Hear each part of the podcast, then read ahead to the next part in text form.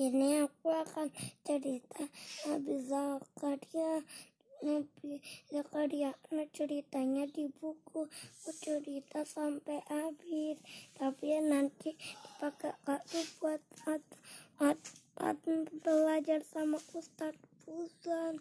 Dan aku berhenti dulu. Ini yang 2 Oke, kita lanjut ya. Semalam karena Lanang tidur, jadi Mama berhenti bacanya ya. Sekarang kita lanjut ya, yang part 2. Lanang baca dong judulnya. Ancaman an penjajah. Oke. Anehnya, penduduk bergegas pergi dari Nabi Zakaria. Mereka lari ketakutan. Nabi Zakaria ya? Kalau di buku ya. Sekarang kan tapi nanti podcast ini kita jadi part 2 oke? Okay? Nabi Zakaria kembali terheran-heran.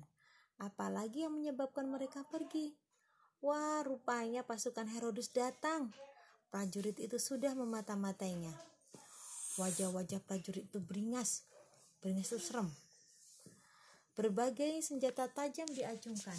Mereka mengancam sang nabi. Hei Zakaria, hentikan dakwamu agamamu sudah ketinggalan zaman. Sekarang saatnya menyembah berhala. Zakaria. Ujar komandan pasukan keras. Ini kali. Ini Nabi Zakaria. Nah, aduh, ketarik. Tapi Nabi Zakaria bukanlah pengecut. Ia tidak ikut lari tunggang langgang. Dia nggak lari dong Nabi Zakaria. Kalau tadi yang lainnya lari. Nabi Zakaria hanya tersenyum pada pasukan Herodus. Tidak ada kecemasan di wajah sang nabi, nggak takut sama sekali. Herodus yang mana? Ini pasukannya. Raja Herodusnya nanti ada kayaknya di belakang bagian belakang buku. Orang beriman tidak akan gentar dengan ancaman. Sang nabi malah mengajak para prajurit beriman. Mereka ditunjukkan agama yang benar. Kenapa aku harus berhenti? Justru aku juga berkewajiban mengajak kalian. Jangan mau jadi suruhan raja kejam Berimanlah pada Allah, niscaya kalian mendapatkan surga. Nabi Zakaria mengajak dengan lembut. Pasukan itu menjadi marah. Kurang ajar beraninya kamu mendakwai kami. Tahukah kamu, kamu ke sini untuk menghentikanmu? Nabi Zakaria mengingatkan, Tenanglah, jangan lekas marah. Aku tahu kalian percaya pada Allah. Kalian hanya takut pada raja, pada raja, ya kan? Komandan pasukan mengancam, "Awas kalau kamu saya berdakwah lagi, kami akan kamu akan kami bunuh." Ini perintah langsung Raja Herodes. Pasukan kerajaan itu pun pergi dengan kesal.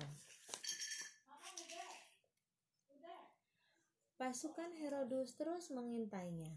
Selanjutnya Nabi Zakaria berdakwah dari rumah ke rumah.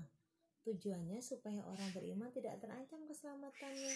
Jadi sudah nggak di tempat umum, nggak di luar rumah kalau dakwah, tapi di dalam rumah didatangi. Karena tadi pasukannya Raja Rodes ngawasi Nabi Zakaria terus. Kalau siapa yang ikut ajarannya Nabi Zakaria akan ditangkap. Ya?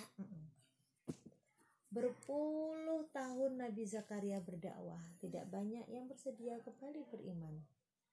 Mereka takut ancaman sang raja kejam Meski susah payah, Nabi Zakaria terus berusaha.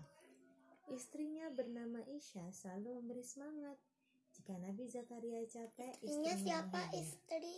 Isha namanya. Oh Isha. Hmm, istri yang baik nih. Sabarlah. Isha lambat. atau Isa? Isha, lihat nih pesannya. Pakai i. Ini kayak huruf shin besar kalau di ikro. Yang ada sa, ada sha, ya kan? Ini yang pakai sha, Isha Sabarlah, lambat laun akan bertambah yang masuk agama Allah, kata istrinya gitu. Meski hanya sedikit yang beriman, Nabi Zakaria tetap bersyukur. Mereka diajari tata cara sholat dan ibadah lainnya. Terlihat orang-orang beriman sangat suka beribadah. Di antaranya yang beriman adalah Hana dan suaminya Imron. Nah, Hana ini adalah ibunya Maryam. Hana adalah saudari dari istri Nabi Zakaria. Oh, ini dari sini.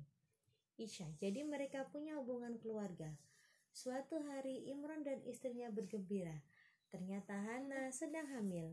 Keduanya memang lama mendapatkan hmm. anak. Imron dan Hana bersyukur tiada terkira.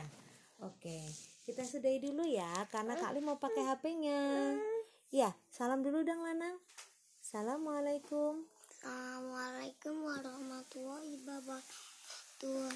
Dadah, sampai jumpa nanti ya, insya Allah.